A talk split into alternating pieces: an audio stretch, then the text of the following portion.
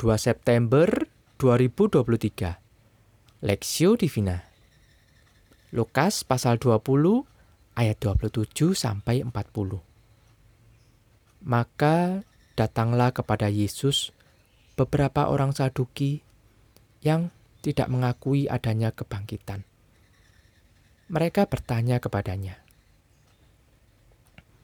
"Guru, Musa menuliskan perintah ini untuk kita.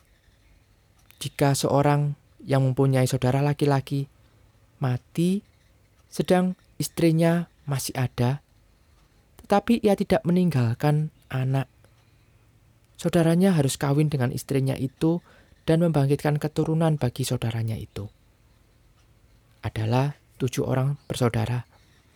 Yang pertama kawin dengan seorang perempuan lalu mati dengan tidak meninggalkan anak. Lalu perempuan itu dikawini oleh yang kedua dan oleh yang ketiga. Dan demikianlah berturut-turut oleh ketujuh saudara itu. Mereka semuanya mati dengan tidak meninggalkan anak. Akhirnya perempuan itu pun mati. Bagaimana sekarang dengan perempuan itu? Siapakah di antara orang-orang itu yang menjadi suaminya pada hari kebangkitan. Sebab ketujuhnya telah beristrikan dia. Jawab Yesus kepada mereka,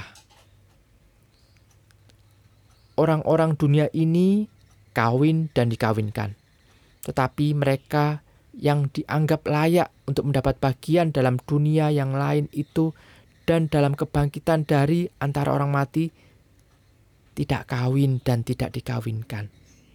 Sebab mereka tidak dapat mati lagi. Mereka sama seperti malaikat-malaikat dan mereka adalah anak-anak Allah. Karena mereka telah dibangkitkan.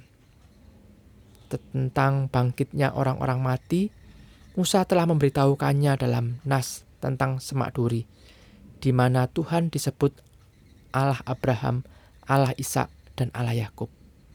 Ia bukan Allah orang mati, melainkan Allah orang hidup. Sebab di hadapan Dia semua orang hidup. Mendengar itu, beberapa ahli Taurat berkata, "Guru, jawabanmu itu tepat sekali." Sebab mereka tidak berani lagi menanyakan apa-apa kepada Yesus.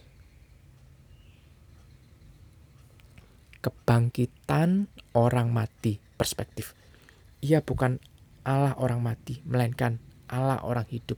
Lukas pasal 20 ayat 38. Di dunia kita ada orang-orang tertentu yang tidak percaya akan hal-hal supranatural. Pada zaman Yesus, orang-orang Saduki tidak percaya kebangkitan orang mati dan keberadaan malaikat. Dengan kepercayaan inilah mereka bertanya kepada Yesus tentang keanehan konsep kebangkitan orang mati dengan mengkritik hukum pernikahan Levirat ayat 28 sampai 33. Bandingkan di Ulangan pasal 25 ayat 5 dan Rut pasal 4 ayat 1 sampai 12. Hukum ini berbunyi jika seorang pria A meninggal tanpa keturunan, saudara laki-lakinya B akan mengambil jandanya X sebagai istrinya sendiri dan membesarkan anak-anak mereka atas nama A. Begitu seterusnya sampai total ada tujuh pria menikahi X. Orang Saduki bertanya bagaimana jika X akhirnya meninggal. Di dunia lain itu X akan menjadi istri siapa? Darrell L. Block menafsirkan bahwa bagi orang Saduki pertanyaan ini menunjukkan bahwa ada relasi antara kehidupan di dunia lain dengan dunia ini dalam ayat 34 sampai 38 Yesus menjawab mereka bahwa di dunia lain tidak ada lagi hubungan keluarga dan tidak ada lagi bisa mati lagi karena mereka adalah anak-anak Allah yang akan mengenakan tubuh rohaniah. Alasannya adalah karena Allah adalah Allah orang hidup, bukan Allah orang mati. Ayat 38. Bandingkan keluaran pasal 3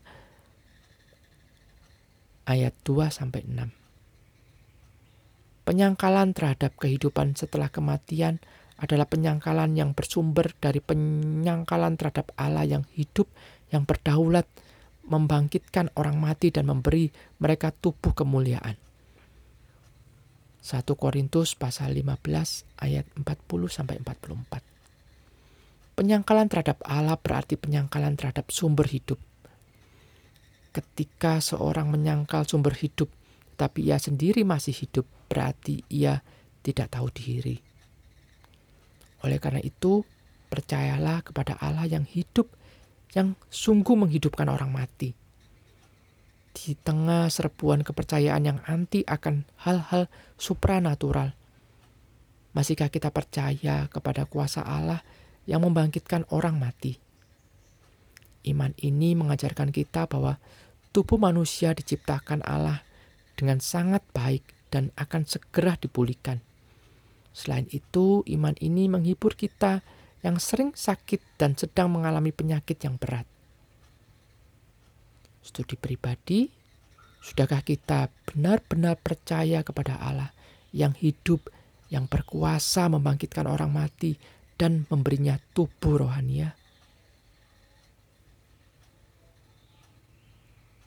Pokok doa, berdoalah agar Allah menguatkan dan menghiburkan kita yang lemah ini melalui iman bahwa Allah sanggup membangkitkan orang mati dan memberinya tubuh rohania.